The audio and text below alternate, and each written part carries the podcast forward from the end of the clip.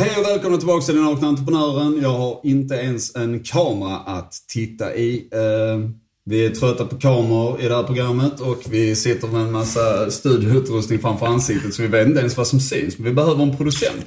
Eller så kan du säga så här. Skicka in tips på hur vi ska sätta kameror Ja! så att vi syns. Det kan vara ett avsnitt i sig. Du, Ja, snälla ni som vill komma hit och rigga kameror och visa oss hur man sätter upp en sån här miljö. Eh, ansök i komment- alla kommentarsfält för då blir vi jätteglada. Eh, idag sitter jag här med, med två gäster och eh, seriella entreprenörer. Eh, men också två väldigt goda vänner.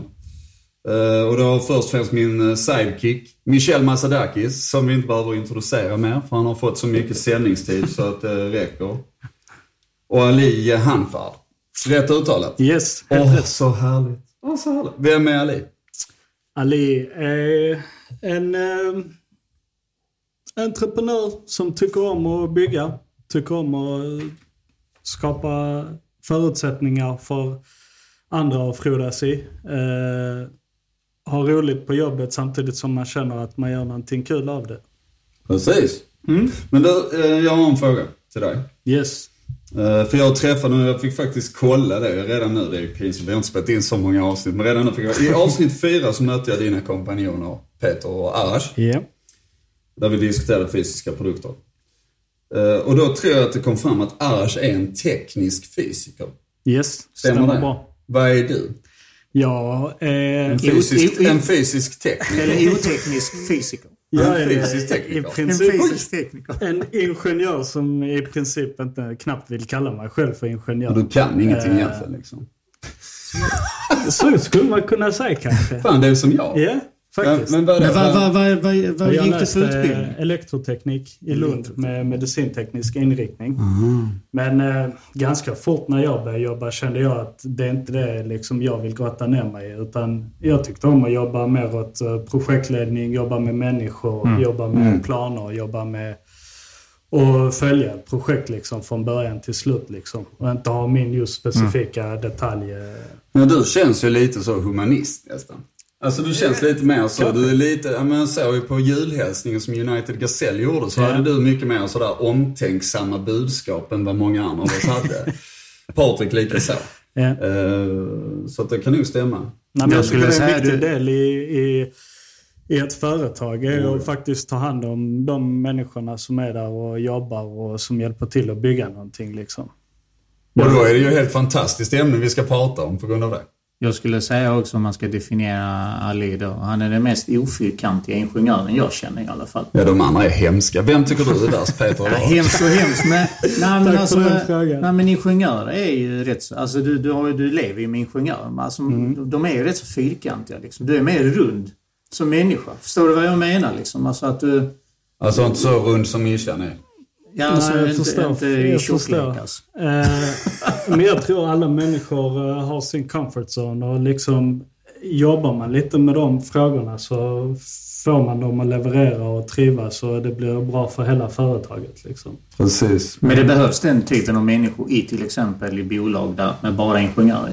Ja, men det skulle jag tro. Jag hoppas jag tillför någonting liksom. Ja, men återigen, vem tycker vi sämst om? Arash eller Peter? Nej, det, nej. nej. Vi älskar dem båda två. Jag försöker alltid så lite osämja mellan Ja, människor. eller hur? jag tycker det, det är en effektivt sätt att, att nå ut. Bryta isen. Ja, jag bryter den isen mellan dem. Uh, nej men, nu, nu, uh, nu har vi en tight vecka. Det, det spelas in två avsnitt av Nakna Entreprenören denna veckan. Eh, och idag så ska vi faktiskt, det har kommit in ett önskemål eh, att vi ska prata om företagskultur. Och, ehm, och det är du är ju redan halvt inne i det ämnet nu, eh, bara i början på den här podcasten. Och eh, då är min eh, fråga så här att, ehm, vad innebär, eller vad säger så här, vad innebär företagskultur för er? Vem vill börja? Michel, varsågod. Du, känns som du är taggad här nu. Ja, jag är taggad.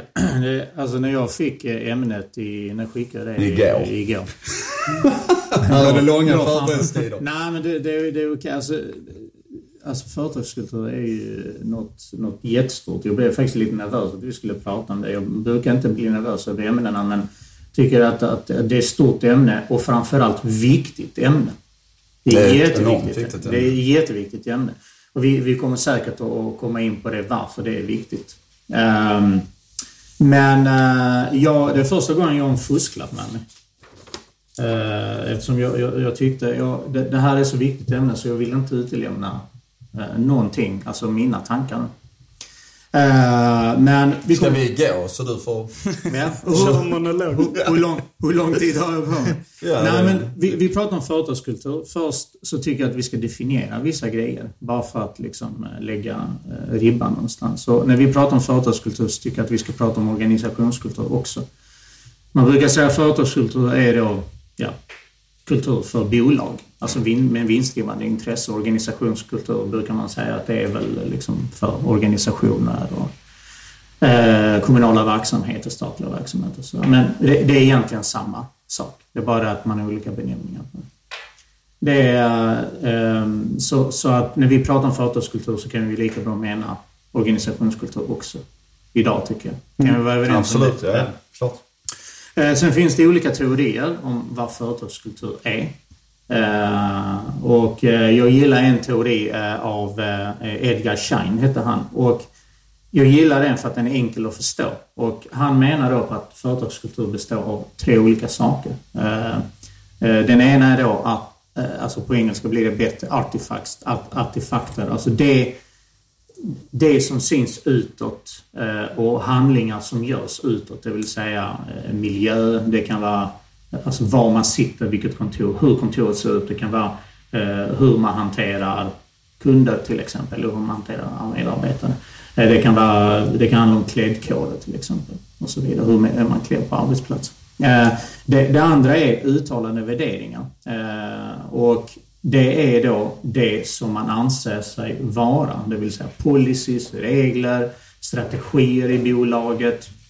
Eh, och det tredje då är grundläggande antagande.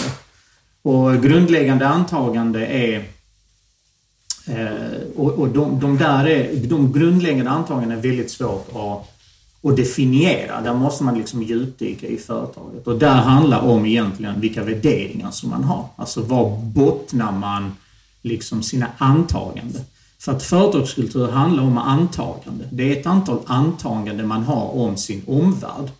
Eh, och det liksom, resultatet blir då de här två andra, det vill säga värderingarna, det som skapas, det vill säga policy och, och, och liksom det som uttrycker sig.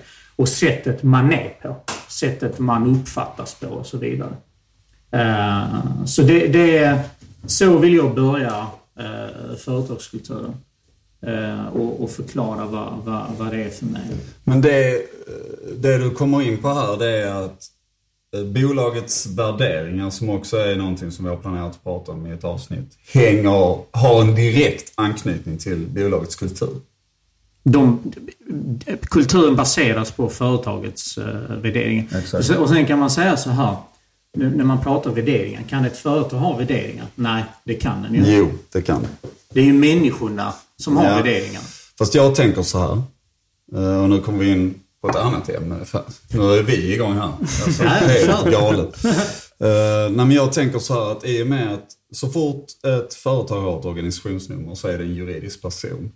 Precis som du är och du är och jag är. Och då tänker jag att det, den personen har värderingar. Eh, och det, det gör att, låt säga, vi brukar jobba med att utgå från att, vi, att våra bolag har tre värderingar. Som är icke flyttbara.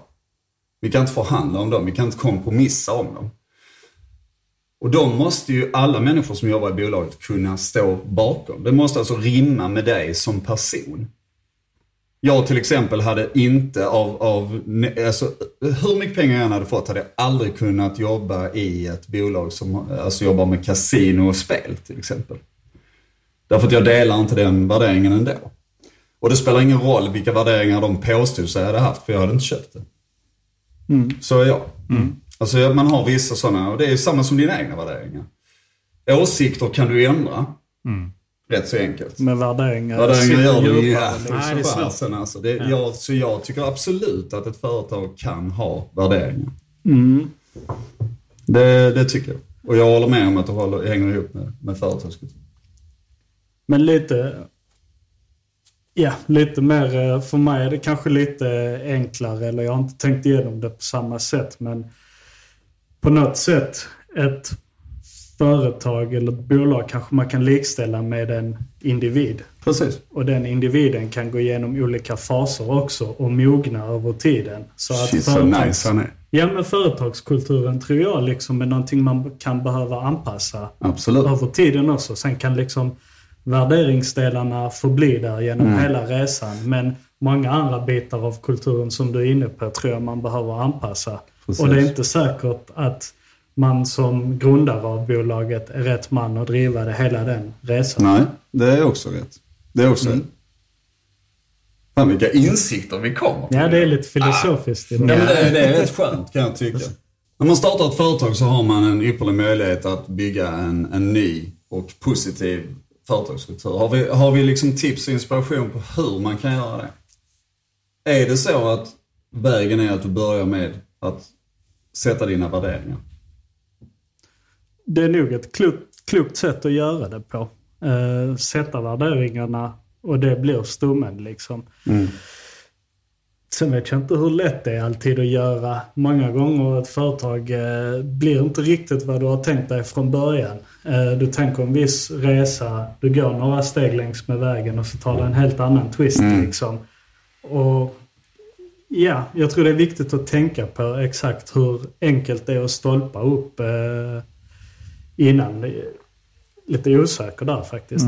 Och ibland måste man liksom vara flexibel nog och bara svänga med på resan beroende på vilka människor man tar in i bolaget, vad, hur det utvecklar sig. Så får man kanske vara lite flexibel där. Liksom. Definitivt. Ja. Jag tycker du är inne på något väldigt, väldigt intressant. Och det handlar om det handlar om diskrepansen mellan den man, den man vill vara och den man egentligen är. De två sakerna vill man ha så nära som möjligt tillsammans. Alltså det man vill vara som, som bolag liksom, och det man, man, man är, alltså egentligen är. Uh, och det finns många saker som kan påverka den liksom, skillnaden. Det kan vara så här att uh, ju större bolag blir, desto större blir den skillnaden. Eh, det kan vara ju fler människor eh, som kommer in i bolaget, desto större blir den skillnaden för att alla som kommer in påverkar företagskulturen. Så att säga. Det kan vara så att du inte jobbar aktivt med, dina, med din företagskultur, med dina värderingar och sättet man agerar på. Och då kan den skillnaden också bli större. Så det är jätteintressant att, att, att påpeka att en företagskultur är ju en dynamisk sak. Man kan inte bara sätta sig ner och skriva det på ett papper, nu har vi bestämt det. Mm. Ja, och lite det här med hur det förändras med tiden. Liksom när man är kanske fem sex pers och driver en verksamhet, ett företag, så kanske man kan ha superflexibelt allting, ingen struktur på saker och ting, inga särskilda processer på hur man gör vissa saker. Men sen när man växer och blir 15-20 pers, då kräver det en viss typ av företagskultur och setup liksom. Och sen när det blir ytterligare större då följer det med andra bitar som man måste vara lyhörd på helt enkelt. Liksom. Och där kan jag inte säga att man, där har man kanske lärt sig själv och gjort en sån resa att ja, vi kanske skulle tänkt på vissa saker tidigare, vi kanske borde gjort vissa saker annorlunda. Men man lär sig hela tiden att utvecklas liksom, med sitt bolag. Precis. Så är det ju. Mm. Eh, har, ni, har ni exempel? Alltså för det första, skulle ni kunna beskriva företagskulturen i något av era bolag? Eller något av våra bolag, eftersom vi äger bolag ihop också. vi äger bolag med alla. kan du beskriva något, Michel? Eh, vad ska jag beskriva? Jag vet inte vilka jag ska välja bara. Du får välja åt mig. Ja, ta United Gasell. Alla vi sitter i United Gasell. Ja, det är ju gemensamt bolag. Så där, eh, där har vi faktiskt inte pratat aktivt om företagskultur. Nej, men vi har satt Eh. värderingar och så. Eh, Men vi har satt värderingar, men det är ingenting som vi har liksom uttalat. Så här ska vi agera och så här ska vi vara eh, mot varandra och mot omvärlden och sådär. Så det är ganska intressant. Och, då, och finns det ett företagskultur då? Ja, det är klart det finns. Alltså en företagskultur behöver, alltså det, man behöver inte definierat det för att det ska finnas. Absolut inte. Nej, utan det, Det är ju bara hur man agerar i sitt eh, jobb och Exakt. mot varandra. Och, och, Exakt. Och de här, utifrån de här tre olika nivåerna som jag berättade i början. Det, det, jag menar, det, du måste ju det uttalas på ett visst ja. sätt oavsett om, om, om du har definierat det eller inte. Precis. Så jag ska ju bara bryta och säga att United Gazelle, så, eh, för det låter bara så, vad fasen är det? Och det är alltså ett företag som hjälper eh, människor som har fysiska produktidéer, alltså får en, eh, en fånig idé brukar vi säga sådär, en uppfinning. Det här vill jag eh, ta fram, hur gör jag? Och så hjälper vi till. Det är det vi gör, bara mm. så vi får yeah. klarlagt så folk förstår vad vi pratar om. Men det jag också skulle säga det är att det är, ju en, är det inte en enorm skillnad, där sitter vi sex personer som har grundat det här företaget tillsammans. Precis. Men det är en stor skillnad ändå om du börjar få anställda det är ju då företagskulturen sätts på prov skulle jag säga. Exakt. Därför att det är då det börjar bli fenomen som man kan säga att det eh, startar subkulturer. Grupperingar inom ett bolag, för det, kräver ju ofta att du är x antal människor för att det ska, mm. fenomenet ska inträda. Och det kan Eller vara... för sig, det kan vara... Nej egentligen kan det ju ske redan vid, vid en tidig stadie utan anställda också. Jo. Alltså, det, det, vi har ju varit med om, om bolag där äh, ägarna inte drar åt samma håll. Du behöver ja, inte ens ha anställda. Det utvecklades till det. Ja. Mm. Så att... Äh, ja, då har du, men där är det ju, har du kommit, då har du kommit till vägs ände oftast när du står som entreprenör. Ja. Alltså då, när du börjar jobba emot varandra eller gå, alltså då, vad ska du då göra? Det blir mm. sällan bra. Nej, då är det bara att säga att vi får lägga ner det här för det här, mm. det här kommer vi inte att leda ut. Mm. Men eh, jag tycker United Gazelle är ju intressant av den anledningen att det har varit då, det har ju långt ifrån tycker jag varit en friktionsfri resa. Men väldigt givande. Enormt, ja ja. Alltså, jag säger inte att det, och det, jag kan säga, nu ska jag säga så här. Men friktion har ingenting med företagskultur Nej. Jo, det har det. Alltså det är ju ett sätt att lära känna varandra också. Alltså någonstans så är det ju så här att när sex personer träffas, alla har samma typ av driv. Ja. Och alla har dessutom samma mandat. Ja. Och alltså, alla har beslutsfattningar mm. i, i, sitt, sitt, i sin roll. Så är det är klart att det blir friktion, men där är det ju en positiv friktion. För det är det som bygger en del av kulturen framöver. Det är en förståelse för andra människor också. Ja. Eller ja, friktionen är väl inte positiv i sig, men resultatet av friktionen Ja, det är det jag menar. Positiv. Det är där jobbet att gå igenom det. Ja, ja. Så Då är vi inne på det här igen. Vem vi tycker sämst om av Ali... av Arash, Peter och Patrik. De som inte är här. Vem tycker jag tycker sämst om Patrik? Jag passar på frågan som humanist. Han är diplomat. Och så tycker jag sämst om Peter och Arash. Jag tycker alla är sämst. De som inte är... Men, men om, man pratar, om man pratar om kultur på United Gazelle, så nu får hjälpa mig där liksom. Men eh, jag skulle vilja definiera eh, ett ord som dyker upp direkt, är nyfikenhet. Mm. Eh, tycker jag definiera, definiera det bolaget. Um, och sen eh, drivkraft eller vilja. Alltså drivkraft och vilja, det, det, det definierar också United mm. Gazelle enligt mig. Ja, men nu sitter du egentligen och pratar värderingar. Det blir ju lite så. Uh, ja, det går lite ihop. Det går ihop liksom. Det går ju ihop. Mm. Va? Men, men uh, för jag menar när vi till exempel, och nyfikenhet kan jag förklara genom att alla idéer som kommer in till United Gazelle diskuterar vi faktiskt. Mm. Alltså oavsett vem som är avsändaren, vad idén är mm. och så vidare. Så vi, vi tar faktiskt upp det som en diskussionspunkt. Mm. Uh, så vi är väldigt öppna liksom mm. och, och, diskuterar. Så vi är faktiskt nyfikna. Mm. Oavsett vad det är för idé så är vi nyfikna om vad det innebär. Mm. Uh, och sen en drivkraft är ju alltså vi, vi, har ju, alltså vi har ju andra commitments, vi gör ju andra grejer och så mm. vidare. Men vi har ändå en drivkraft som gör att vi kommer framåt i United Gazelle. Det vill säga att vi vill verkligen, verkligen genomföra eh, de, de idéerna som vi tycker är bra. Um, trots att vi har så mycket annat som vi vill göra. Men vi vill ändå liksom vara med där och driva dem. Så, så det är väl de två sakerna som dyker upp hos mig direkt. Kan, ni, kan ni komma på, på någonting annat? när jag tänker på United Gazelle så tänker jag på två ord utifrån liksom min personliga känsla för företagskulturen. Att det är väldigt avslappnat. Vi har väldigt kul när vi jobbar med de här frågorna. Mm. Och jag tror det är för att vi brinner för dem helt enkelt. Eh, ja, och mixen av människor blev ju, det är bara, det är ju, jag antar att det är en slump att, att personkemierna funkade yeah. som de gjorde. Därför så att det är som du säger, det är ju så mycket skratt i de här Ja, men det, det känns som ingen, man, uh, man träffar eh, fem av sina närmsta vänner och Precis. sitter och umgås en kväll. Liksom. Precis. Eh, Så det är liksom väldigt avslappnat samtidigt väldigt professionellt. Ja, oh. Eh, När vi går igenom mm. de här casen och idéerna som dyker upp så Mm. eh, är det ju det vi är där för. Men jag funderar mycket på det, för jag tänker så här att jag tror att eh, än så länge så, men återigen så är det att i varje bolag vi har startat så har vi satt alla de här grejerna. Men så fort det börjar växa. Ni, eh, nu är det så ni äger ju OEM ihop, Ja. du och, Ja. och Ali, eller Arash Peter, förlåt. Yes. Eh, Och där är det ju en... eh, vad fan? Ja, vi har haft en tillväxt där Ja. som gör att... Och där, när du växer fort Mm, så helt plötsligt så har du människor som du inte, du får inte med dig dem kanske liksom riktigt. Utan det blir så fokus på tillväxten och så glömmer man att implementera de här grejerna. Och jag förstår ju att många, många i den äldre skolan, skulle jag pratat med min far om detta så hade han tyckt att fan vad löjligt att sitta och prata om de här processer. Så jag köper det, att han tycker det. Men faktum är att ska du idag bygga ett långsiktigt bolag så måste du ha det med dig, tycker jag. Det är oerhört svårt om du inte har det, om du inte Så, tydligt så intressant fråga. Jag, jag tänkte faktiskt igår när, när du skickade ut Mm. eh, ämnet så tänkte jag eh, vad hade hänt om jag pratade med min farsa liksom, om, Om den här frågan? Eh, för eh, när, när han jobbade så är det ju inget man diskuterade här liksom, Mm. öppet. Så det kanske, det kanske fanns på någon smart ägare eller VD som tänkte på det sättet antagligen. Mm.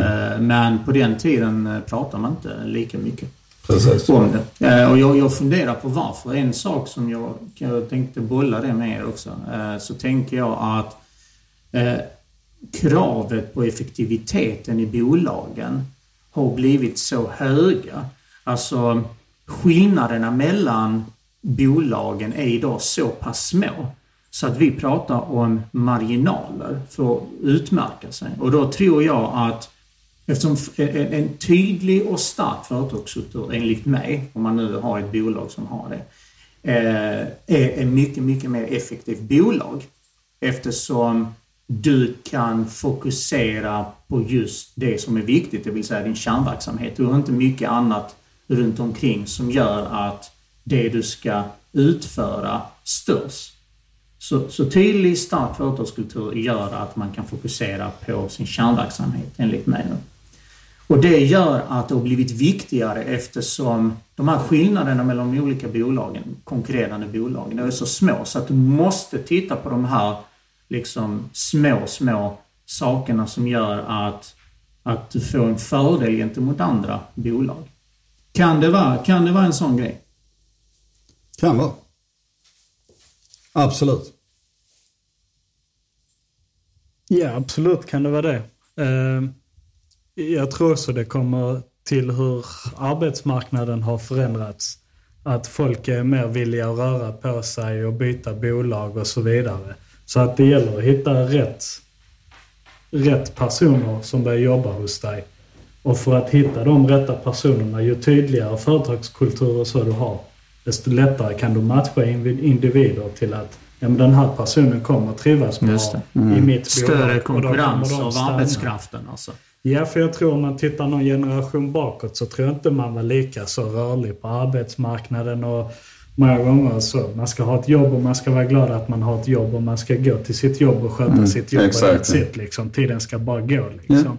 Men nu är det ju, vilket är väldigt positivt, att folk rör på sig och det utvecklar bolagen. Liksom. Men det ställer också högre krav som arbetsgivare att definiera liksom dina värderingar, din företagskultur och på det sättet hitta folk som trivs bra och kommer göra ett bra jobb hos dig. Liksom. Och den som driver det i OM, det är eller?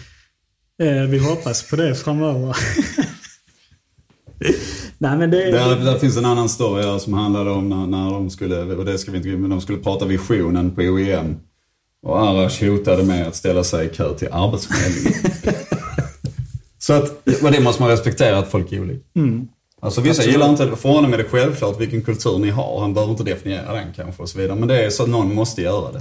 Ja, och OEM är typiskt i en sån situation som du var inne på innan. Vi har vi vuxit väldigt mycket. galet alltså. Och vi får växtverk. Liksom. När vi började skulle vi vara ett, liksom, ett litet familjärt bolag där alla bara liksom, skötte sitt. Om vi behövde inte struktur och rutiner. Det var en väldigt avslappnad företagskultur. Nu märker vi vi behöver se över det där. Vi har, vi har liksom mognat in i en ny fas så att vi behöver se över de bitarna. Liksom. Precis. Mm. Vi har ju ett företag, du och jag, som är ihop med några andra som heter Telesol. Som har en... Hur gammalt är det bolaget idag? Vet du det? 2005 startade vi.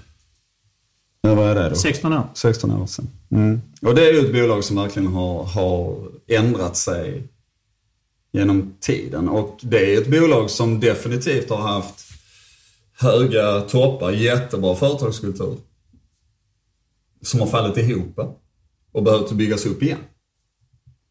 Skulle du kunna beskriva det så? Uh, ja. Ja, eller ja. Man kan säga så här att... Så här vill jag säga. Vi har alltid varit medvetna om uh, företagskulturen på Telesol. Vi har, alltid, vi, har, vi har faktiskt jobbat aktivt med företagskulturen på Telesol. Alltid. Uh, för det mesta, skulle jag vilja säga. Uh, och den har förändrats över tid. Den har förändrats. Men vi, jag, jag, tycker att vi, vi har varit medvetna om våra, vår företagskultur. Mm. Eh, ibland har det tagit, eh, vi tagit avvägar och då har vi liksom försökt styra upp det igen. Faktiskt. Sen ska man tillägga också att Telesol är ett bolag med relativt hög eh, omsättning på människor eftersom vi är i säljbranschen. Då. Eh, branschmässigt så har vi inte så hög ja, den är väldigt låg. Den är väldigt låg, mm. men om man tittar generellt liksom, alltså bland bolag i Sverige så är den ju hög eftersom det, det, det, det verkar verkligen en bransch som har generellt ganska hög personalomsättning. Men jag, och där tror jag att, att företagskulturen har hjälpt oss att behålla människor faktiskt. Alltså att, att, att hitta människor som, som eh, trivs i den företagskulturen. Men eh, vi har, vi har alltid haft tydlig företagskultur, enligt mig. Mm. Men så som Jakob är inne på, om det har varit liksom här uppe och sen så har det fallit ner lite och sen har ni gjort någonting mm. som har styrt upp det igen. Mm. Kan man berätta lite mer om Absolut. varför, ja, vad ja. fick det att trilla ner och varför, ja, hur lyfter man därför upp det? Det är också någonting som jag tycker att Nakna Entreprenören ska bli mycket bättre på. Det att prata om när vi inte gör saker som är så jävla bra. Alltså när vi egentligen misslyckas med någonting. Ja, det är de är mycket, de är mycket roligare att prata om. Ja, ja, det vet jag inte men det är mycket roligare att lyssna på dem. Och lyssna på jag dem, tror att sitta och prata om dem för oss kanske inte är så himla roligt alla gånger. Men det är Nej. ju så att det finns, jag menar bara för att man har, är en framgångsrik entreprenör så betyder det inte att vi gör framgångsrika saker hela tiden. Nej, oh, nej, oh, nej. Och tittar man på Telesol så började det ju som ett, uh, när vi startade, alltså vi byggde det på att vi fick människor att köpa varför vi gjorde det. Att vi skulle mm. förändra hela telekombranschen. Vi skulle göra det här på ett helt nytt sätt, eh, mm. vilket vi gjorde. Och den kulturen är ju extremt gynnsam för, för människor som kommer in och är anställda. Därför de köper detta higher cost liksom. Att, ja men det är det här, det är därför vi gör detta. Och så jobbar man och så jobbar man och så blir det fantastiskt. Men jag har en jätterolig historia. Om just Telesol och, och hur snabbt det kan klappa ihop liksom. Och det är när vi, eh, alltså vi har jobbat, när vi startade bolaget första året, alltså, alltså det var så mycket jobb. Det var liksom det första bolaget vi startade ihop, mitt första bolag till och med. Och, och, ehm, och vi, vi, vi hade blivit väldigt, vi rekryterade, fick in bra människor tyckte vi och skapade en fantastisk kultur. Och slut, men vi var helt slut när det hade gått nästan två år eller vad det var. Och då säger Michel så, nej, vi tre, det var jag, och Michel och Patrik på den tiden bara som ägde det. Vi, vi, vi måste sticka och ta paus nu, så vi åkte till Barcelona. Vi har inget extravagant på något sätt. Vi bodde på ett hotell och jag kommer ihåg en dag, ligger vi uppe på taket på hotellet så fanns det en pool. Och där låg vi och, och skvalpade runt i den här jävla poolen. Och då säger Michel så här. Ah, gud vad skönt det är att vi ändå kan ta tre dagars break och ha folk som jobbar eh, åt... Du vet vad, vad fan jag kan gissa. Ali. jag kan gissa. Men nu kan alla, alla lyssnare tror jag kan gissa vad som händer. När Mishan säger detta, alltså att det, det sitter i mitt huvud. Jag kommer aldrig glömma när du sa det. Och jag kände också det, ja det är väldigt skönt. Tänk att vi kan göra det här, vi kan unna oss tre dagar och de, de sköter detta. När vi kom tillbaka, alltså Det var kaos. Det var fullständigt kaos. Ja, ja. Alla var ovänner med alla.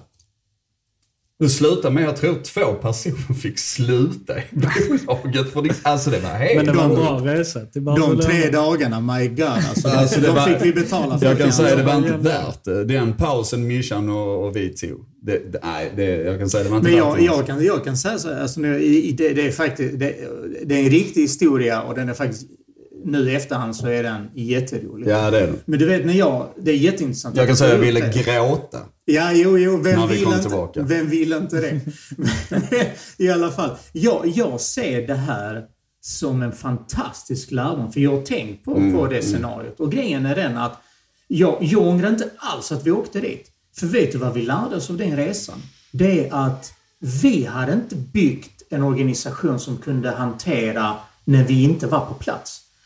Och det vi gjorde efter det var faktiskt att bygga en organisation som kunde hantera när vi inte var på plats. För att, eh, och det är någonting som många, många, tror jag, entreprenörer blir, blir eh, medvetna om. Vi blev medvetna med en katastrof, det vill säga att det var inte alls bra.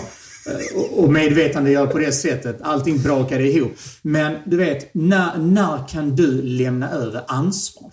Som ägare, som entreprenör, som drivande motor i ett bolag. När kan du göra det och hur kan du göra det? Det är egentligen det, det som vi kom fram till att här måste vi börja tänka till exempel en fråga som successionsordning. Alltså vem ersätter? Och det är Vem precis det ni sitter också med nu. Ja. Där Vem- ni sitter vem- och ska ersätta olika roller i Exakt. Alltså, E- Ett bolag kan ju aldrig någonsin vara beroende av en enda person eller en, några fåtal personer. Det är för stor risk. Mm. Och det handlar inte om att folk slutar. Folk kan ju gå och dö. Alltså man kan Mm, inte planera när man ska dö till exempel. nej. Saker sker liksom. Vad händer med bolaget då? Mm. Jag, det, alltså, det är en fråga som man måste diskutera i ett bolag. Mm. Vad händer när, när eh, någon inte, eh, fr- från så att säga eh, grundarna, kan vara med längre? Den är jätteviktig. Ja, och det här som du var inne på med liksom er Barcelona-resa. Det är ju Mm. liksom det här klassiska att liksom Ja, man är bra på vissa saker men det är först när man stöter på motgångar och man gör misstag som man lär sig jättemycket. Mm. Exakt. Och man utvecklas som entreprenör, som människa. Det- Man måste ha dem i Ja. bagaget. Men så, så är det ju hela tiden. Telesol har ju då, återigen som jag sa, vi gjorde ju en... Jag, det kan jag också berätta en sådär när jag kände liksom att någonstans, jag, jag, och det, i och med att Telesol är telekombranschen som en oerhört kontroversiell bransch. När du pratar med andra människor så ja det är sådana jävla telefonsälj. Ja. Det en smutsig bransch brukar vi Ja men, säga. ja men det är det, alltså den är ju överdrivet eh, liksom. Nej. överdrivet attackerad ibland men visst där är många oseriösa Eller smutskastad bransch ska jag säga. Inte Ja, så ska man säga. Men det är ju också en smutsig bransch. Där är ju alldeles för många snabba pengar människor i den branschen som Ja. tycker att nu ska vi kapitalisera fort som tusan och Mm, tjäna miljoner. Vilket går att göra, men det blir ju också skit. Mm. Och operatörerna blir skit. Alltså det är ingen bra lösning. Men, men uh, Telesol är, eh, är ju intressant för att jag vet, jag gjorde det ett par år sedan, eller rätt många år sedan. Fem, sex år sedan. När jag sa till Michel, då, då satt du fortfarande som VD på Telesol tror jag. Den är nog längre än så. Jag Ja, det är det kanske. Ja. Ja. Och då sa jag till Michel så här. Du, eh, jag har bestämt att vi ska göra om den grafiska profilen. Vi måste ändra vårt bolag. Det, vi, det passar inte längre. Så här. Och Michel sa till mig, du är inte klok. Så här, du tror väl inte att du kommer göra ett bättre bolag för att du ändrar den grafiska profilen? Nej, så jag, men det kommer vara en början. Och då uppfann jag det här konceptet som jag alltid har sett Telesol alltså som rebeller. Vi har alltid gått tvärt emot. Vi har alltid själva affärsutvecklat våra produkter eh, ihop med operatörer och så vidare. Och, eh, och så skapade vi hela det här konceptet med Telesol Rebel då. Att, och anställda blev rebellerna och vi gjorde hela... Och sen implementerade vi det som en företagskultur i bolaget. Att okej, nu är det så att vi struntar i hur hög kvalitet du har på dina sälj. Är kunden inte nöjd så ska affären backas. Jag vill inte se det här med att ja, men det är företag för det är ingen ångerrätt hit och dit. Alltså, det bara väcker en massa ont blod där ute liksom. Och då ändrade vi ju hela, det var ju, och det var nog det värsta. Alltså för att ta, då ja, vi var nog, jag tror vi, på den tiden var vi nog 70-80 anställda kanske. Vi var stora där, i, alltså i antalet människor. Och det var ju inte lätt heller. Alltså där var ju en grupp som omgående satte klackarna i backen och sa, sa ingenting naturligtvis. Det var inte så att de sa att jag är inte med på detta. Men de var inte med. Det var helt ointressant. De var ju där för att göra de affärerna de alltid hade gjort. De ville inte ha någon backningsaffär och så vidare. Jo, men blir de inte triggade av det här eh, rebellgrejen? Inte de. Den stora massan, ja. Men då kommer du till nästa problem. Vad händer? Låt oss säga ett exempel. Vi har 50 anställda. Vad händer när fyra stycken inte köper det? Vad händer då? Därför det funkar inte. Ja, det är en situation man måste hantera. ju. Jag kallar ju det för cancer Ja. i bolagsform. Det är en tumör som skickar ut metastaser. Så att de tre kommer att bli sju. Och sen blir de fler. Och det är då du börjar se det. 100%. Om du inte gör någonting åt det så 100% Ja. håller jag med dig. Och du det, vet inte vad du ska göra därför att du ser i början inte vem är inte med. För ingen säger någonting. Du kanske kan titta på de som sitter tysta och inte säger någonting. Eller kanske är det de som sitter och håller med som egentligen inte håller med. Det finns alla typer av människor. Men det som är fördelen var att de isolerade sig själva och blev synliga. Därför det var där den dåliga företagskulturen låg. Det var där alla problem kom ifrån. Det var inte från den stora massan, det var från tre, fyra personer. Och en tydliggörande av företagskulturen eller en förändring av den lös på de människorna och sa det här funkar inte. Och mycket riktigt så, så slutade det med att de, de jobbar inte där längre. Men det är Och så, slitsamt. så, så, så är det och du vet jag, jag bara tänker direkt här. Eh, för att alla behöver ju Alltså man, man, jag vet inte hur jag ska framställa detta utan att try, eh, trampa på några tår, men jag tror jag kommer göra det ändå. Alltså. Skulle du säga något illa om, om Peter och Ars? Nej. Nej, låt dem vara nu. Nej, de är, Men- men jag idag tänker är så här. fokuset... Många att- människor, många människor skulle resonera så här. Varför måste man hålla med i ett företag, i- med, med för, företagskulturen som är ett bolag? Jag är bara där och utför mitt jobb. Kan man resonera. Exakt. Ja. Eh, Men jag skulle säga så här. Tänk dig att arbeta på ett bolag där du kan utföra ditt jobb, men där du också kan dela eh, värderingar med det bolaget. Där du trivs med din arbetsplats och där du trivs med dina arbetskamrater. Exakt. Det kan ju ske enbart när man trivs i den situationen som man är i. Det vill säga att, som, som jag tror jag nämnde det också när vi hade eh, diskussionen med eh, Fredrik Molin. Eh, det, det När vi finns pratade om att jobba med fel människor. med fel människor. Det, det finns bolag eh, som passar alla människor. Men alla människor passar inte i alla bolag. Nej. Eh, och någonstans va, så funderar jag, varför utsätta sig för, för det när man inte trivs i ett bolag med, med bolagets värderingar? Varför göra det? Undrar jag. Sen, sen det, det går ju inte ihop med arbetsrätten till exempel och, och liksom de, de lagliga aspekterna av en anställning. Vad går Eh. inte i linje med dem menar du? Företagskultur. Du kan ju Alltså, inte du säga- kan inte ställa kravet, menar du, du, du, kan, du kan ställa krav, men du kan inte säga upp en människa från anställningen genom att säga att du håller inte med vår företagskultur. Jo, det borde du. Alltså jag menar om du Ja, direkt bryter... Det är inte skäl, det är inte skäl för en uppsägning, menar jag. Ja, det är det kanske Nej. inte. Vilket är hemskt. Ja, men så, så, Så är jag, lag. så jag gömmer mig bakom micken efter så är det. lag Liksom. i, i Sverige. Så. Och, och, eh, sen kan man ju tycka olika grejer om- det, men så är lagen i Sverige idag. Mm. Eh, men jag, jag, jag vill ställa den motfrågan. Varför inte välja ett bolag där du istället kan trivas? För jag är övertygad om att det finns bolag där man kan trivas. För alla sorters människor. Eh, och jag skulle, du sa, du sa liksom att det är en cancer och att det är människor som har, som har liksom fel företagskultur. Jag skulle vilja säga att de har en annorlunda företagskultur. Och att det, fan, det, det finns bolag där de skulle trivas mycket, mycket bättre. Eh, Nej, jag håller inte med. Men... inte? Nej, det är inte. För att, Därför faktum är att vi har ett, ett fall eh, vi har ett fall där en person i bolaget eh, var en av de här. Den personen jobbar idag på Telesol igen. Därför att den personen kom till insikt och sa det är jag som har har motarbetat fel grej här. Ja, exakt. Men han ändrade sin inställning.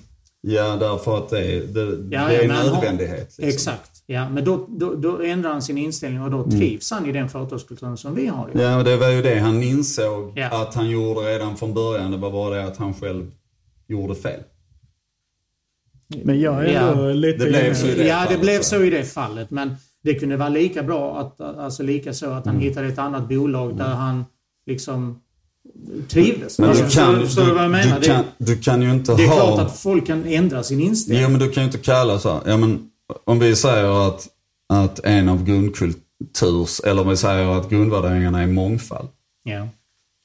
Men en, du är från Grekland, var kommer du ifrån? Iran. Iran. Jag menar så. eh, Men, och så, så vi har det som mångfald. Men jag har en liten subgrupp som är Sverigedemokrater, eller vi är rasister i United Gazelle. Alltså, är det då en subkultur i United Gazelle? Nej, men det går inte ihop. Nej, Nej, det men det är det jag menar. Med, det finns kanske bolag som kanske hade accepterat den, den, den grupperingen. Alltså att, Ja, men inte, inte om det bröt rakt emot dina värderingar i bolaget. Nej, men det är det Michel är inne på. Att Ja. om de inte passar in där kanske de ska självmant hitta ett företag Precis, som men, passar men det gör man inte. Det gör ju inte folk självmant generellt. Det är Nej, ja, ja, exakt. Utan man stannar där och inte trivs. Mm. Ja, Det- och det- framförallt så är det ingen annan som trivs med dig. Nej, Ja, exakt. Och det var därför jag ställde motfrågan. Varför inte hitta ett ställe där du egentligen, trivs. ja, det du köper företagskultur. Alltså det är mycket bättre för alla. Ja, den matchningen är viktig ju. För att du kan ju spendera flera år och bygga en viss företagskultur. Sen räcker det du får in ett par, tre personer som inte alls vill jobba på samma sätt, delar samma värderingar och det kan förstöra det så fort. Ja, det, det är det jag säger. Det, det är så skört, hela den kulturgrejen. Därför det är som du säger, subkulturerna, de, de är... Alltså jag tycker det är jättejobbigt att, att jobba med den typen av, av människor. Men så, så är det ju. Istället för där tycker jag att som människa ska man säga det rakt ut. Eller säga det efter så. Du, jag, jag måste på att jag håller ju inte med om det här. Så att eh, jag tänker att jag försöker mig men det gör inte människor. För ja, men det är min anställning, jag ska bara ha mina pengar. Så, så blir det ju blir förstört för alla ju. Så är det ju. Det, det är den inställning, eh, inställningen som man har tyvärr många gånger. Mm. Eh, Men där, där tycker jag, och ni, ni får jättegärna eh, ni får jättegärna fundera på det, men jag, jag tror att värderingar och en, blir mycket, mycket viktigare om, om man tittar nu eh, 2020, bara det när vi startade bolaget 2005 då, eh, 2005 med Telesol funderar. Eh, så är egentligen företagskultur någonting som är viktigare och, och det är den känslan jag får att, att människor vill gärna jobba i ett bolag som, som passar dem. Eh, och det, det är någonting som har förändrats. Jag vet inte, märker ni det också? Ja, jag gör det. Jag tycker man gör som eh, arbetssökande gör de hemläxan mycket, mycket mer. Läser på mer eh, än hur det var för typ tio år sedan känner jag. Och vad är det för bolag? Sådana frågor man kan få under en liksom, intervju. Ja, men vad har OEM för värderingar? Vad har det här bolaget för värderingar? Den frågan dyker upp eh, betydligt oftare nu än vad det gjorde innan. Ja, det är nog, det är nog vä- väldigt viktigt. Det är ju ändå ett ställe och människor du ska spendera minst så här, åtta timmar kanske av en Exakt. dag. Och då är det ju rätt bra om man köper, köper, köper grunden liksom. Precis. Sen förstår jag att det är svårt, det är inte det. Men ehm,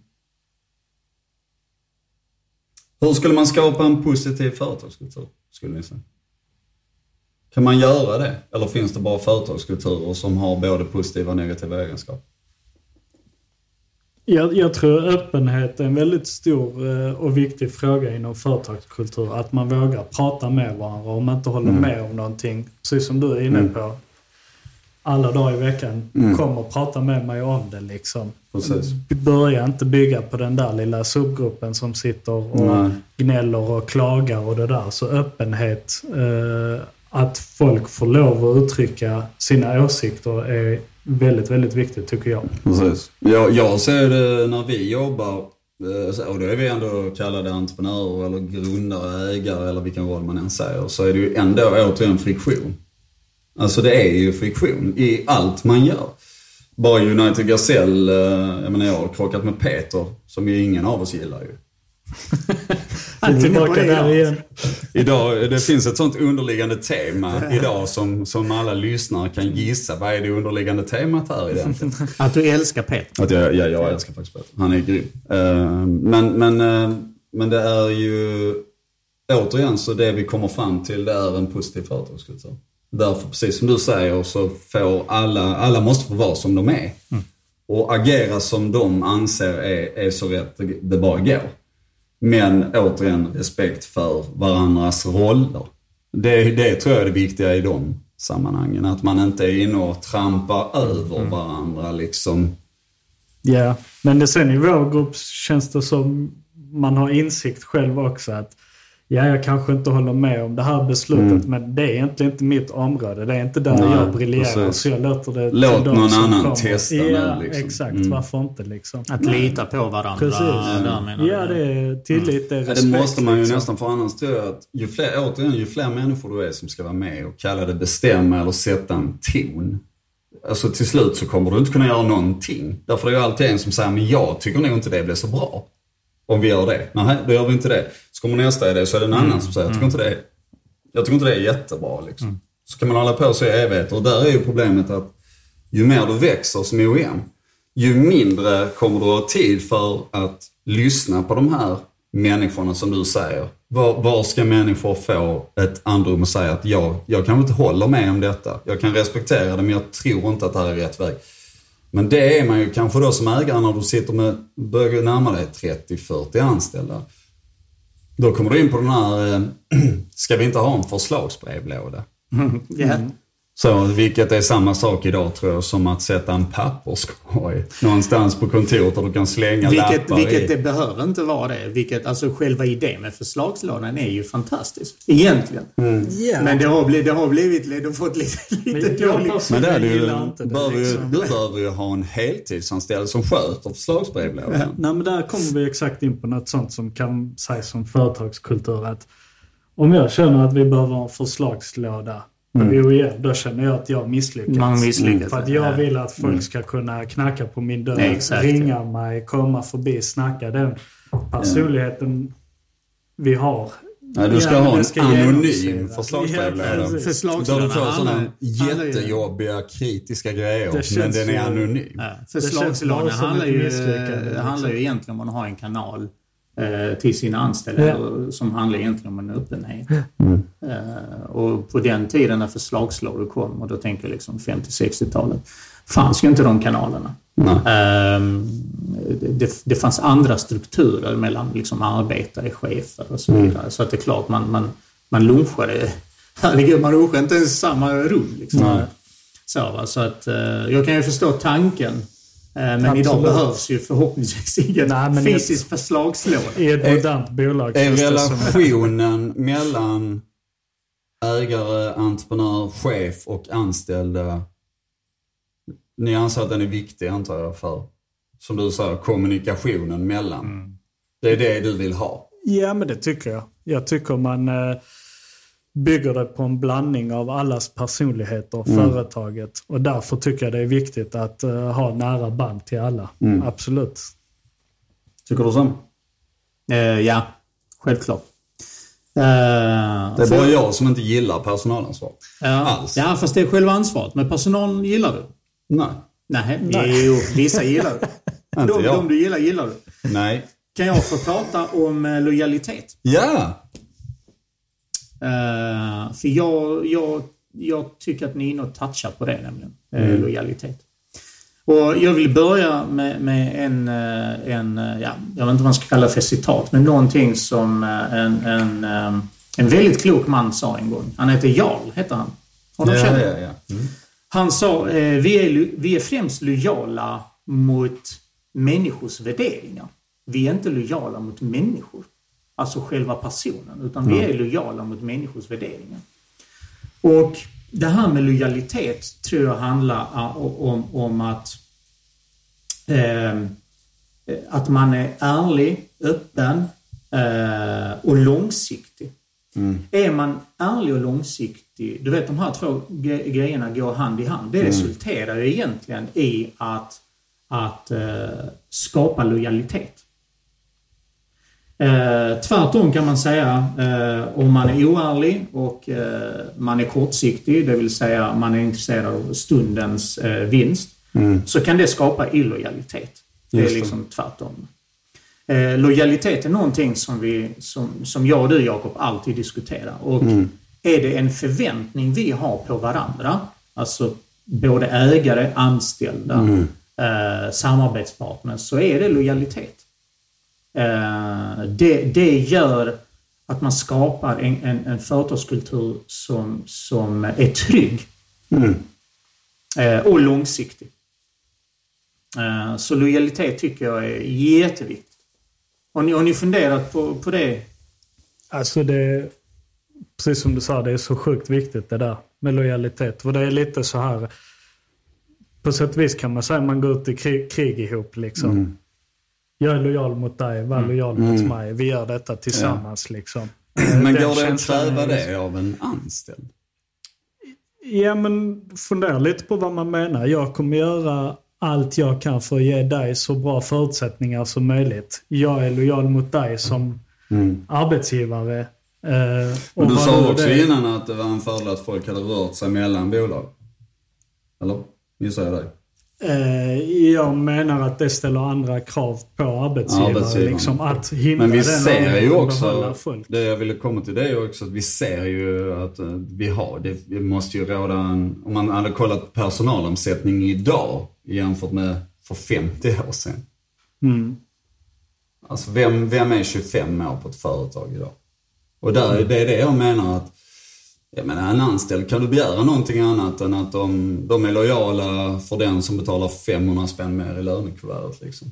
Mm. Ofta. Sen är det åt Vissa- då har du fan misslyckats med ditt företag. Eller jag skulle säga så här. De är illojala mot, mot eh, sin befintliga arbetsgivare för att de är så pass villiga att byta så att eh, de, är, de är nöjda om de får 500 spänn. Jag vill vända på den frågan. Ja. Men hade du varit lojal mot din arbetsgivare så betyder 500 spänn ingenting. Nej. För egentligen så betyder 500 spänn Men där så, ingenting. återigen så är det idag, det du kan binda människor långsiktigt och lojalisera med är ju företagskultur, inte pengar. Exakt. Det är vad jag tror. Exakt. Och det, det håller jag med fullständigt. Eh, och, och pengar är ju ett sätt, eller vad ska man säga, en, en ursäkt för att förklara varför man lämnar ett jobb. Exakt. Eh, det är väldigt, väldigt sällan, och, det är min erfarenhet, jag kanske har fel i det, men det är väldigt sällan jag ser människor som verkligen, verkligen trivs på sin arbetsplats som byter enbart för pengarnas skull.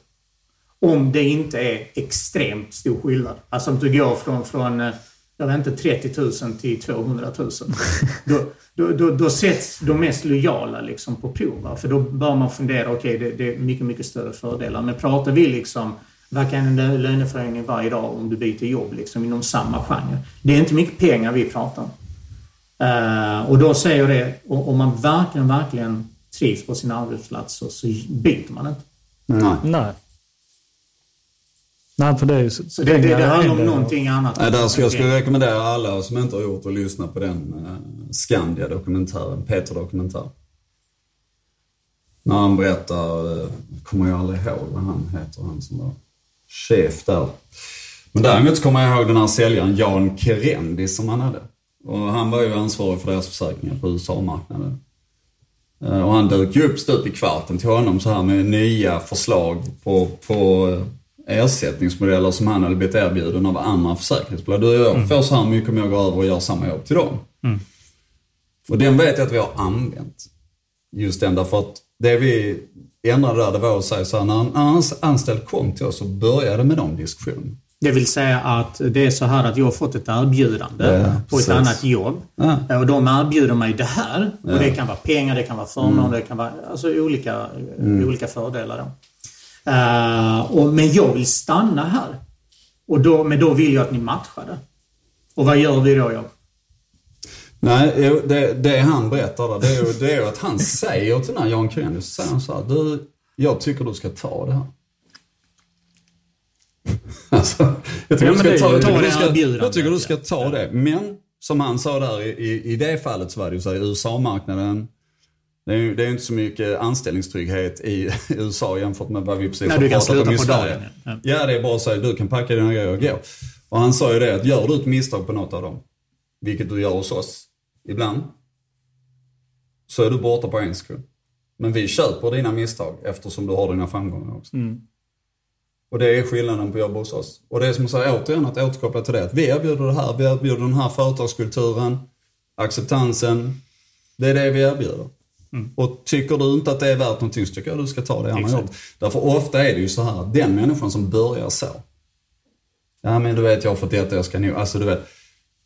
Jag skulle säga att resan i huvudet på den, den är redan påbörjad. Ja, exakt. Avslutet är redan påbörjat. Det är väldigt, väldigt svårt att backa den situationen. Ehm, om inte det är så, och där märkte vi en stor skillnad. När vi började säga det till människor istället för den här, som man normalt sett rädslo, när man är rädd om, om det man har byggt. Så säger ja okej men då, då, får du, då, får du, eh, då får du så här mycket också av oss. Två veckor senare, ja du de har kommit tillbaka igen. Så Jag måste får man så här igen. mycket Ja, och så börjar du igen. Och där är det lika bra att säga att vi, vi struntar i detta nu.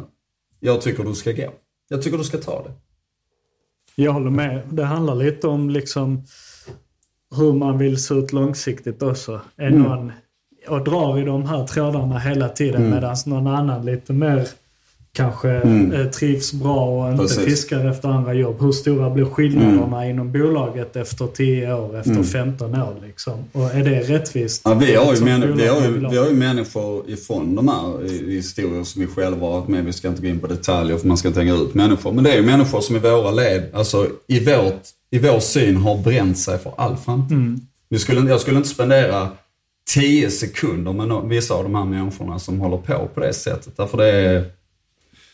Det finns en, där pratar du illojalitet på riktigt också. Att många gånger så, så, så fortsätter det liksom.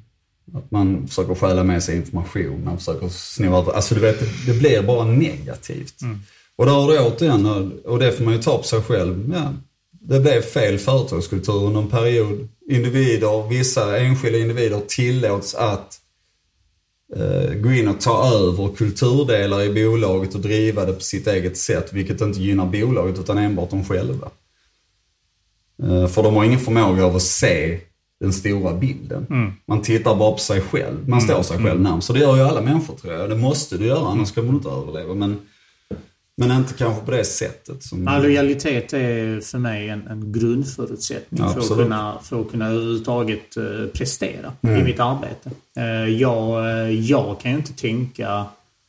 Jag är, ju den typ, jag är ju inte den typen av människa där jag trivs i en otrygg arbetsplats. Jag, jag trivs Precis. inte med det. Så för mig är det no, någonting jätte, jätteviktigt. Jag har, jag har en tips Mm. på hur man testar lojaliteten i ett bolag. Vill ni höra? Kör. Du släpper in din fru helt naken. Nej, nej. Ali Och så kommer att ser vi testa vad det. som Ali kommer att testa I detta idag. Så här. ehm, eh, nästa gång ett problem uppstår. eh, alltså att när man gör ett misstag eller ett problem och så vidare. eh, så kan man vara lyhörd och se hur resonerar personerna som är inblandade. Och där finns två sätt att reagera på. Antingen fokuserar man på vem som gjorde misstaget. Eller reagerar man på hur löser vi detta? Det är för mig eh, avgörande faktor för att se hur lojaliteten ser ut. Dels i gruppen och dels liksom, eh, på företag. Riktigt smart. Förstår ni skillnaden? Kan du ge ett hands-on exempel på det? Eh, Hitta på ett eller berätta ett från verkligheten och tvätta bort eh, individen. Eh, Det var du inte beredd på. Ja, men bara så att människor som lyssnar förstår vad du menar. mm, vi... eh, Ska jag dra ett exempel? ja, För jag tror ja, att jag, jag har- kan inte komma på något exempel. Ja, Nej, men jag skulle säga så. Vi hade, vi hade en situation i, i, um, i, i, i Telesol var det, eh, där vi, vi var tvungna att svänga om hela verksamheten på grund av operatörernas krav på oss. Och det är, alltså det är hemskt.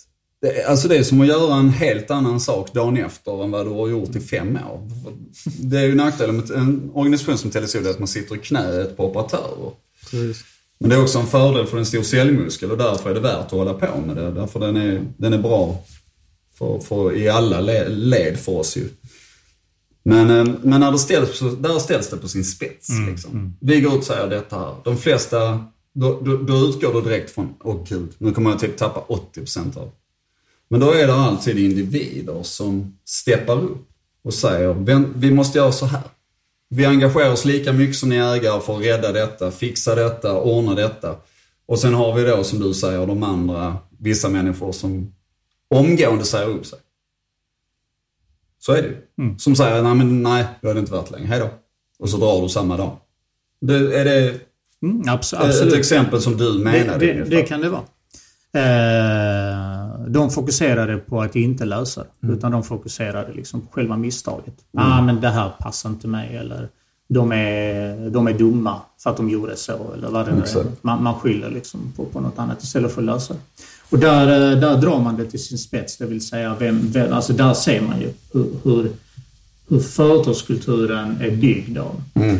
Ehm, och jag, jag, jag har ju sett både och kan man säga. Ehm, men det, det är för mig en, en jättebra indikator på, på att se hur, hur, eh, hur lojaliteten är. Det ser vi på OEM också. Vi säljer ju liksom produktutvecklingstjänster till kunder. Och ibland går projekten bra, ibland går de lite mindre bra. Man stött på problem. Och de gånger man stött på problem så kan man ju antingen liksom vara lösningsorienterade, hur löser vi detta nu för att leverera till kunden. Medan vissa eh, personer kan vara mer så här. "Ah, det här var dåligt insålt till kunden från första början. Kunden har inte spesat detta tillräckligt bra och så vidare och så vidare och så vidare. Och där är lite så, ja men låt oss ta förbättringsmöjligheterna efteråt. Just nu måste vi lösa det projektet till kunden. Ja. Sen är jag 100% för att man gör en lessons learned efter ett projekt. Att vad gjorde vi bra, vad gjorde vi dåligt, vad kan vi förbättra i framtiden? och- Ja, ja precis. absolut. Den är ju jätteviktig. jätteviktigt. Den är jätteviktig. Men Men vad är, det, vad är det man fokuserar på? Ja, men när Ja, du är, det är det där som i är... liksom... Ja. När, eh, när det är ett problem liksom. När eh, fläkten är på och skiten är där liksom. Mm. Så hur löser vi det här Exakt. och nu? Och sen kan vi ta de bitarna sen. Liksom. Precis. Men finns det, om man tittar på så här, att eftersom vi har ju konstaterat att en företagskultur är rörlig. Den är inte konstant. Den ena säger varje gång du tar in en anställd och en anställd åker ut så för- förändras det lite grann ju. Det, det är ja, det är klart. Det har med gruppdynamik att göra och, Ja, och så. Så är det ju. Eh, Men, men finns det konkret, alltså om vi säger att du har hamnat i ett läge där företagskulturen har blivit väldigt dålig. Där det, där det råder illojalitet. Människor säger upp sig eh, för att gå för de här 500 kronorna i lönekuvertet och så vidare. Vad, vad är det mest effektiva sättet att försöka ändra det på? Finns det liksom ens modeller för detta enligt er? Naturligtvis finns det tusen böcker skrivna om detta på amerikanska. Ja, amerikanska. Eh, jag anser ju att eh, det ansvaret ligger på ledningen i det bolaget. Eh, när, när, när saker och ting börjar gå fel. och så kan det bli ibland. Alltså det, det, trots att man kanske har en stark företagskultur och jobbat med det och så vidare betyder inte det att man är home free. Liksom. Alltså att, Nej. att det inte kommer att stöta, på problem. Saker händer och ibland så händer saker utan att man kan påverka det. Men jag anser att det, det är eh, definitivt ledningens beslut eh, för att vända en sån trend. Så jag tycker att ansvaret börjar där. Eh, och eh, eh, hur börjar man det arbetet? Ja, för mig handlar det om att, titta, definiera vad är det som händer, varför hände det? Eh, bara för att förstå liksom själva ja, vad ska man säga, problematiken eller utmaningen. Det är nog det första steget skulle jag vilja säga. Och sen vara väldigt, väldigt öppen. Är det rätt att ställa det på sin spets? Alltså för att faktum är att ofta så är det så när du är beredd som ägare eller ledning eller vad du än kallar det, att förändra företagskulturen så är det ofta föranlett av att någonting inte fungerar som det ska. Ja, Annars går du inte in och säger nu ska vi arbeta om hela Ja, företagskulturen. vi, vi, ja, ja, Eh. Men jag tänker att, och, och där kan det ju i vissa lägen handla om att liksom leva eller dö. Alltså som bolag. Om man drar det till sin spets. Ja, därför att vi, vi har ju varit med i situationer, återigen på televisionen, och säger att nu måste vi ändra allt detta och detta och detta. För att ska vi finnas här om två år, tre år och hålla den här positionen så måste vi göra följande grejer. Därför att, och det är inte för att vi säger det, det är för att branschen säger det, vär- omvärlden säger det, lagstiftningar säger olika saker och så Just det. Men där är det ju direkt så att du spelar över en ganska hård boll till dina anställda och säger att antingen gör vi detta eller så är det över. Alltså är det, är det rätt Jag, att, jag, att jag, ge... jag kan berätta eh, ett exempel. Mm. Bara, bara det kanske blir tydligare. Eh, Mm. Jag, eh, jag blev inslängd i ett bolag som vi gick in som investerare. Mm. Där det rådde, ja, vad ska man säga, för oss inte rätt företagskultur. Nej. Vi tyckte inte att bolaget fungerade som det ska. Det, det, det, fanns, det fanns en företagskultur som vi som ägare inte kunde stå bakom. Man, man lovar för mycket som man inte håller till sina anställda eller vad Ja, det fanns tydliga, inte liksom. tydliga regler Nej. och in, inte tydliga ansvarsområden och, och så vidare. Mm. Eh, det, det fanns den här illojalitetskulturen, det vill säga man fokuserade på vem som gjorde fel istället Mm. Ja, för du letar syndabockar. man letar syndabockar och så vidare. Det var mycket som var fel. Mm. Liksom, så, så, så egentligen det första, det första jag, jag, gjorde, jag gjorde som, som VD att definiera liksom, vad, vad, var det som, vad är det som hände här? Alltså bara för att få en överblick. Ehm, och sen, jag hade ju ägarna med mig i det fallet. Liksom. Där var jag fick ju mandat på att göra förändringarna, vilket man, man måste ha för att göra det som VD. Det- Som sagt, man måste ha liksom, ledningen, toppen, ägarna med sig för att göra sådana här grejer. För det är inte lätt grejer att göra. Det är väldigt, väldigt tungrott och det tar enormt med energi. Man ger mycket energi men man får väldigt, väldigt lite tillbaka. Så är det ju. Eh, men det jag gjorde tydligare, som jag kan se nu när, jag går tillbaka, det var att eh, vara tydlig med vilken kultur som vi hade på det här företaget. Det enda jag pratade om var faktiskt kultur. Jag, jag, eh, eh, och, och pratade va, va, med den kulturen, vad är det vi förväntar oss av dig som anställd? Eh, jag tror vi var 11 eller 12 pers. Och eh, sju slutade, tror jag, självmant. Jag såg faktiskt inte upp någon. Eh, utan sju stycken slutade självmant. Och eh, vi anställde ju de människor. Vi blev ju till slut, tror jag, tio man sen. När vi kände att nu har vi vänt bolaget och det gick med vinst och så vidare. Eh, och de jag anställde var jag också lika tydlig med. Så här jobbar vi, det här är vi, det, liksom, det här tror vi på. Ehm, var väldigt, väldigt tydlig med att förklara liksom, för, företagskultur och våra värderingar. Så att eh, så, så vände jag det på det exemplet. Det vill säga, det enda jag gjorde var att vara tydlig med förväntningarna och hur vi, vi, jag ville att vi skulle jobba på det bolaget. Men resultatet blev också att en, ett, en stor mängd människor valde att sluta. Alla valde, de som inte Alla höll valde med, att sluta. de som inte höll med, de som inte höll med eh, valde att sluta. Men då, Eh, och och det, det, det de- här var på ett spann på ja, sex månader ungefär. Och Vissa här krävs, det, tidigt, här tidigt. krävs det ju cojones. Som kallade VD eller ledning eller styrelse. Du måste våga ta de besluten. Att nu måste jag berätta detta för människor. Ja, och, där, och det måste man också bekräfta upp och säga att nu är det så att vi kommer riskera att tappa X antal Ja, ja, ja, personer. oh ja, oh ja. Och det är bara på företagskulturen. Ja. Men det är ju en jädra smäll för ett bolag Mm. att tappa, låt oss säga 50% av de anställda. Ja, det är en katastrof. Ja. Men Men, det- du, det- men det- du måste göra det. Just då fanns ju inget val Nej. eftersom det hade gått för långt helt enkelt. Ja, du kommer Ja. aldrig kunna bygga större än vad det du har på fel kultur och fel människor. Ja, bolaget Kommer gick ju med förlust. Ja, Så ja, och du det, var, en- det var en fråga om tid. Alltså det var i- innan man, man eh, inte överlevde. Liksom. Så att, Men jag vill också säga det behöver kanske inte alltid vara kris för att man ska vara villig att förändra företagskulturen. Ibland är det bara rätt i tiden. Absolut. Att, ja men ska vi ta det här bolaget till nästa nivå Exakt. då måste vi göra någonting. och det är ju absolut det bästa sättet att göra det. Som du säger, Definitivt. gör man inget åt det så ja men man är här, man kanske är Mm. ett välmående bra bolag men man kommer inte komma mycket längre. Man har Nej. nått sin vägs ände liksom Men- utan att göra Och det handlar Vet, om... vet du vad skillnaden är, Ali, me- mellan oss och dig? Vi är inte så smarta som du. Nej. Vi agerar bara och, och släcker bränd. Nej, det ska jag bara. Men grejen är den att ty, tyvärr, och jag, du vet, jag, jag, jag, ibland så grunnar jag på det. Jag önskar att jag var smartare så jag kunde ta vissa beslut som man tittar så historiskt. Jag önskar att jag var smartare och se det innan det du vet, det sket sig ordentligt Mm. liksom. Man önskar alltid det. Så är det ju. Att vara proaktiv istället, är det är ju absolut det Ja, bästa. så är det. Absolut. Så är det. Men det är vi eh, ju sällan. Nej men viktigt, Man att, önskar man, Man önskar att det var så. men- viktigt att inte gå runt och tycka att man är fullärd och kan allt. Utan hela Nej. tiden försöka lära sig Ja. det vardagliga också. Ja, men vad är det som det känns som? Det kanske inte brister fullständigt men vi saknar en liten del här, en liten del där. Och försöka rätta till det. Liksom. Exakt. Mm. Det tror jag också. Eh, vi uh, börjar snart runda av grabbar. Ja. Eh, Sicka till ämne. Ja, alltså det, men faktum är att alltså, detta har varit magiskt. Alltså det har varit så jävla roligt att prata med om detta tycker jag. Och faktum är att vi tyckte det var ett svårt ämne tycker vi har faktiskt. Alltså det har ju inte varit sådär att vi har suttit mållösa precis.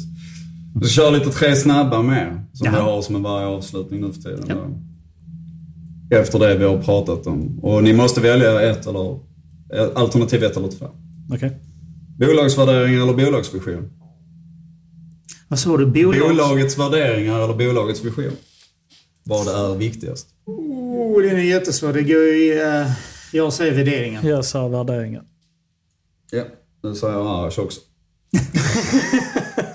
Som vägrade vara med på den. Um, personalansvar och inte personalansvar. Om, Jag, jag tar personalansvar. Jag, jag gillar det faktiskt. Ja. Det gör Ja. du. Du är duktig på det. ja. jag tar faktiskt inte Ja, personal. det gör jag också. Även om jag tycker det är viktigt och eh, på många sätt väldigt Jag givande. har ju en princip att aldrig vara VD. Mm. Igen. Nej, jag har aldrig varit VD. Eller jag... ja, fast du är faktiskt VD. Ja, jag är VD. Men ett bolag Jag- jag- utan anställda. Men det, ro, det, ro, det roliga är att... Alltså det, det, senast igår sa jag så till Rebecka, min fru, som sa nu har jag fått de här inkomstdeklarationerna för det bolaget. Varför ska jag skriva under dem? Så, så det, ja, visst, ja, jag är styrelseordförande. Alltså jag har ingen koll på det. Alltså jag tycker det är så ointressant. Jag vet inte varför jag, jag tittar inte på det. Samma, Nej. jag är VD, jag tror säkert jag är VD i kanske fler bolag, jag vet inte. Men, men eh, jag ska inte vara VD i ett bolag som har en operativ verksamhet. Det är inte min grej liksom. Jag, jag funkar inte på den. Okej, nu kommer det en riktigt dum fråga. Enskild firma eller handelsbolag? Åh, herregud. Ja, Får man svara nej, aktier? så ska man inte säga. Nej, Jag det, faktiskt gör- inte lov att svara aktier. jag, jag har faktiskt haft eh, enskild firma och aldrig haft eh, aktie, eller handelsbolag. Så att det, jag, jag säger enskild firma. Det har jag lärt mig i juridiken att man ska säga. Man ska aldrig starta handelsbolag. Jaha, för att... Ja, du kan göra det om du är själv och så, men det, det handlar ju om... Om jag förstod lagstiftningen rätt på det så är det att om vi tre startar ett handelsbolag tillsammans och så får jag eh, problem med spelmissbruk. Jag har av med alla mina egna pengar och blir skuldsatt upp över öronen. Då funkar handelsbolagsregeln på det sättet att då går man in, kan man gå in och så tar de, börjar de ta tillgångarna i handelsbolaget. Eh, Eftersom det är personligt då va. Problemet är när, när, ehm, när, när tillgångarna är slut i handelsbolaget. Då kommer de att gå till er Alla- privat precis. Och börja har, eh, plocka av för det jag har, har hamnat i. mm, Det är inte juridisk person, Nej. eh, själva Nej. handelsbolaget. Men där är ju, däremot så är det ju så att det, vissa verkar, och det är återigen, ni får jättegärna höra av er om jag har fel i mitt uttalande nu. Det kan naturligtvis hända. Jag är ingen expert på, på bolagsformer. Men eh, jag vet att där är eh, vissa verksamheter som använder handelsbolag för att dölja Ja, intäkter, och intäkter vinster. och redovisning. Ja, alltså den är inte, det, det, den är behöver inte offentligt. offentlig. Nej, men det stämmer. Och man vill då inte visa vilka marginaler man jobbar Ja, med och så vidare. Men för mig är, jag menar, att starta aktiebolag idag kostar ju, vad behöver man för 25 000 i aktiekapital. Alltså det har gått ner så mycket de senaste åren. Så att Man har underlättat aktier... man har underlättat det extremt. Ja. Så att, och det är i princip, det är så enkelt. Det, det, det är bara att gå in på... på Men det är ju en tydlig fingervisning från i alla fall det svenska samhället att det är den bolagsformen man hellre vill se. Ja, men så är det. Ja, för mig är det helt obegripligt varför Nej. man skulle starta någonting annat än ett Ja, aktiebolag. men det är därför du var tvungen att välja. Ja. Vad valde du förresten? Jag valde inget. Jag... Du måste välja. Du måste välja. Ja, efter bara, nu fuskar vi bara för jag berättade. Jag önskar att han hade sagt handelsbolag. Jag hade suttit och skrattat åt honom. Pekat finger. Ja. Um, så är det. Eh, Ni ska ha ett fantastiskt stort tack. Stort ni tack. är så jädra bra är ni. Jag Yes. lär mig jättemycket av er och, och får också nya tankar. Och så. Ja. Mm, Jag hoppas även att våra lyssnare eh, tack. uppskattar detta. Eh, Ja, det var kul ämne. Kul ämne att diskutera. Det var magiskt. Tack för inbjudan. Kul att Ja, vara med i självklart ni kommer tillbaka. Michel är ju med. Han är bokad ju snart varje avsnitt. Ja, Han är som han det Ola är Lustig. jag. Jag gillar Han det. är, han är som han Ola Lustig liksom. Du behöver en sidekick för att hålla igång diskussionen. Och han är alltid bäst förberedd. Jag bara bidrar med en massa trakasserier. Jag har inte bidragit med Du någon hade en lapp idag. Ja, jag ni vet. Men jag är ju mest fokuserad på Peter och Arash. Och Just Patrik. det. För att Vi- de inte är kompetenta. Jag tycker att vi skickar gemensam kärlek till dem. Ja. Jag Ja, skickar det gör vi. De är världens bästa. Så att eh, allting vi har sagt om dem är naturligtvis skämt. eh, och det är så nakna entreprenörer jobbar. Det ska inte vara så, så jävla Det är allvarligt. vår företagskultur. Ja, ja. Trakasserierna. Exakt. vi, vi håller ju till och med på att prata ibland om att vi ska ha sådana öråd där man kan rösta ut en av ägarna. Ja, men vuxenmobbing är en viktig del i företagskulturen. Ja, om det är hjärta bakom och ingen far illa. Exakt. Men det är ju det jag säger, där är det ju så i den att och det är ju det som gör att det blir roligt. Att vi alltid har roligt när vi sitter. Vi kan sitta i de mest seriösa diskussioner och ändå präglas det av det här, ja, hjärtliga liksom. Precis. Omtanke. Ja, verkligen. Stort tack alla eh, lyssnare. Vi ses.